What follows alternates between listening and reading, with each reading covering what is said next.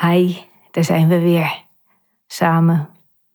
Ik wil het vandaag hebben met je over levende dieren op het bord. En over vers eten, over verlept eten. Want geen dode dieren op het bord. Dat is duidelijk dat ik daar niet voor kies. Maar waar ligt dan de grens? Ik denk dat het een uh, interessante beschouwing wordt dit keer. En ik hoop je mee te nemen in uh, wat van mijn ervaring. Welkom bij de Vegapot. Geen dode dieren op je bord. Mijn naam is Foekje en ik vertel je wat een leven lang vega eten mij heeft opgeleverd en gekost. Zodat jij lekker makkelijk en heerlijk gezond je eigen keuzes kunt maken. Je hoort waar je op moet letten als jij geen vlees of vis meer op tafel wilt zetten.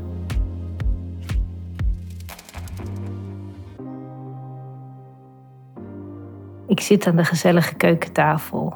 Ben een jaar of zal het zijn geweest? Jaar of 17, 15 denk ik. Ja, vriendin op bezoek. We zitten lekker aan tafel en mijn moeder heeft zich goed uitgesloofd. Uh, er staat van alles op tafel.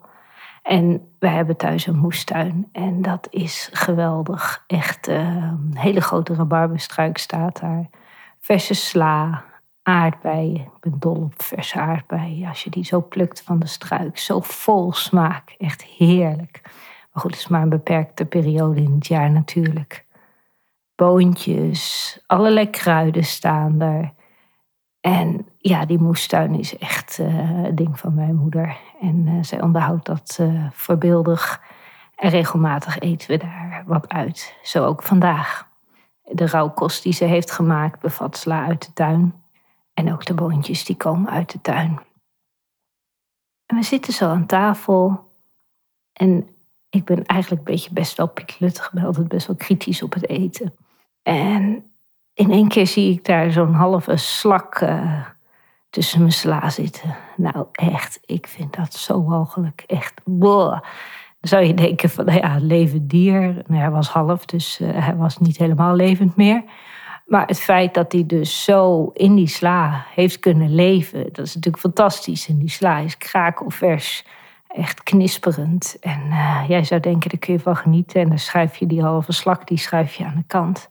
Maar ik begin mijn postje te mopperen. En natuurlijk uh, bederft dat de sfeer behoorlijk aan tafel. Maar ik voel me gewoon er ongemakkelijk bij. Ik wil gewoon lekker kunnen eten en geen gedoe hebben. En die beesten in die moestuin, dat vind ik eigenlijk helemaal niks. En ik snap wel dat ze wormen goed zijn om die aarde los te houden. En dat uh, alle insecten belangrijk zijn. Want zijn we eten voor vogels. En ja, ik ben heel erg voor biologisch eten. En geen bestrijdingsmiddelen en dat soort dingen. Maar de keerzijde is dus dat er beesten in het eten komen.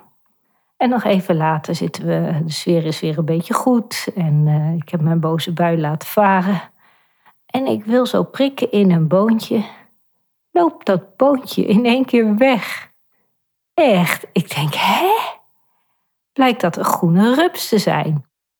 Nou echt, die avond had ik het zo te pakken en ik flip gewoon. Ik zeg, nou ja, ik zal maar even niet zeggen wat ik zei.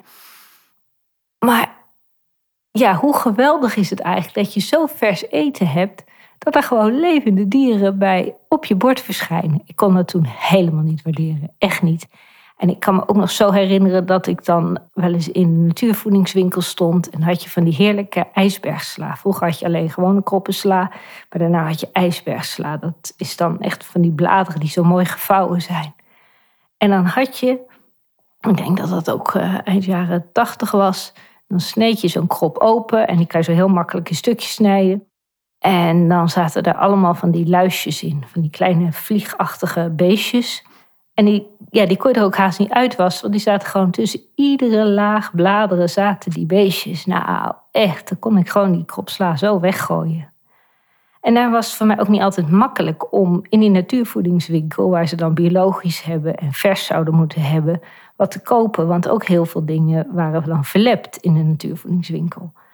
Bijvoorbeeld als je dan een krop sla kocht die al half vergaan was. Ja, die kon je natuurlijk wel in het water leggen en dan kwam die weer tot leven en dat soort dingen. Maar als je dan naar de markt ging bijvoorbeeld, daar lag allemaal fris, fruitig, alles te shinen. En dat straalt je dan tegemoet qua kleur. En ja, in die natuurvoedingswinkel, daar zit nog klei op de aardappelen. En ja, natuurlijk is het allemaal nu verbeterd. Maar toen was dat echt een hele andere belevenis. En dat is altijd heel dubbel geweest voor mij. Van, ja, ik wil dus wel goede spullen hebben die veel leven bevatten. Maar nou ook weer niet zoveel leven dat er levende dieren op mijn bord komen. Dus dat is een evenwicht uh, wat ik altijd gezocht heb.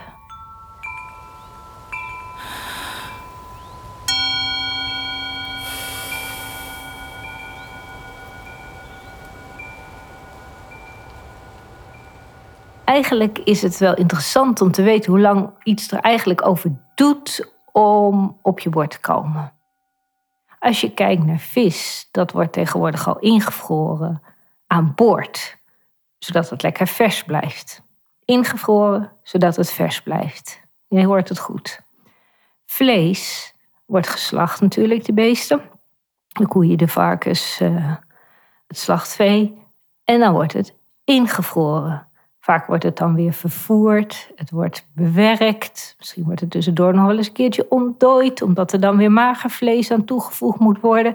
Van koeien uit bijvoorbeeld Ethiopië.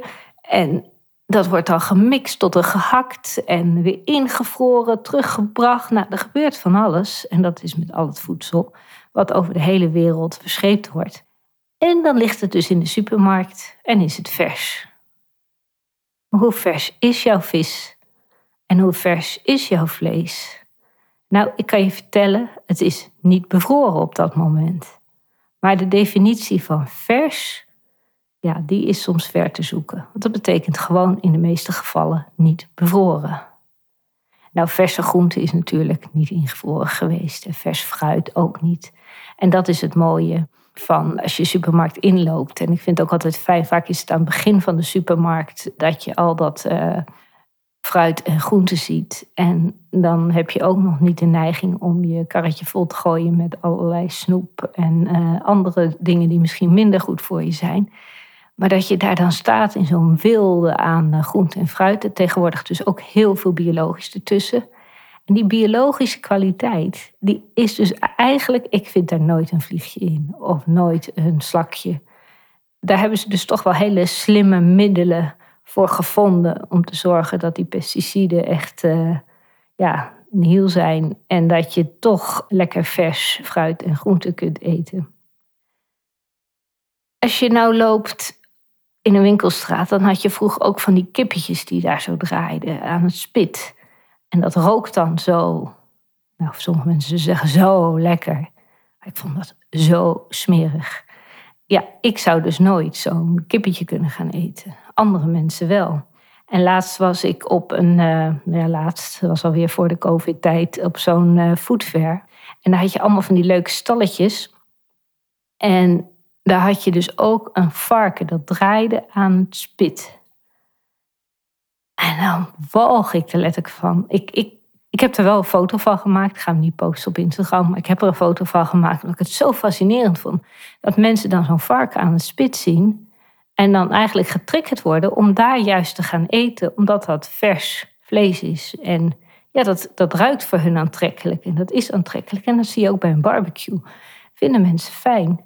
Ik ben met dat gevoel gewoon niet opgegroeid en ik ken dat eigenlijk niet. Ik zie dan gewoon echt een dood dier. En ik verbaas me ook altijd. Als je bijvoorbeeld in een uh, visrestaurant bent, nou daar kom ik niet vaak, maar goed, soms is het door de gelegenheid uh, dat je daar toch terechtkomt. En dan kun je zo'n kreeft uitzoeken en die zwemt daar nog. En die scharen van dat beest die zijn dan met zo'n uh, vaak blauw tapeje vastgebonden. En die kun je er eentje uitzoeken. En die heb je dan uh, even later op het bord. En dan vinden we dan oké dat dat beest dus gewoon levend in de pan verdwijnt. In dit hete water gekookt wordt. Ja, dat vinden we dan normaal. Maar kennelijk mag dat voor een vis. Of een vis mag ook direct ingevroren worden. Misschien is dat nog helemaal niet zo gekke dood hoor, als vis. Als je eerst geen lucht krijgt, dan ingevroren wordt. Ach ja, maar waar leggen we dan de grens met elkaar? En vinden we dan ook als zo'n sla-krop half verlept is, dat we dat tot leven kunnen wekken met dat water, vinden we het dan wel weer oké. En zouden we dus eigenlijk andere conserveringsmiddelen moeten gaan zoeken dan suiker. Suiker is natuurlijk een heel goed eh, conserveermiddel. om ons eten langer te bewaren zonder dat dat ten koste gaat van de gezondheid van het product en de energie in het product.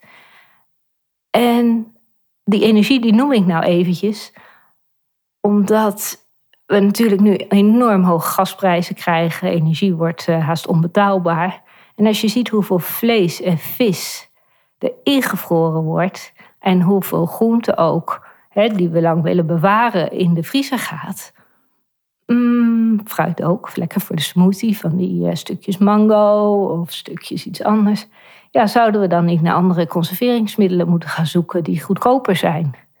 En dan zou bijvoorbeeld het droge interessant zijn. Maar ja, het drogen van fruit, dat gaat vaak in ovens. Of in ieder geval in een eh, afgeschermde, warme omgeving. Ja, is dat dan energie-effectief? Of gaan we dan weer naar blikvoer?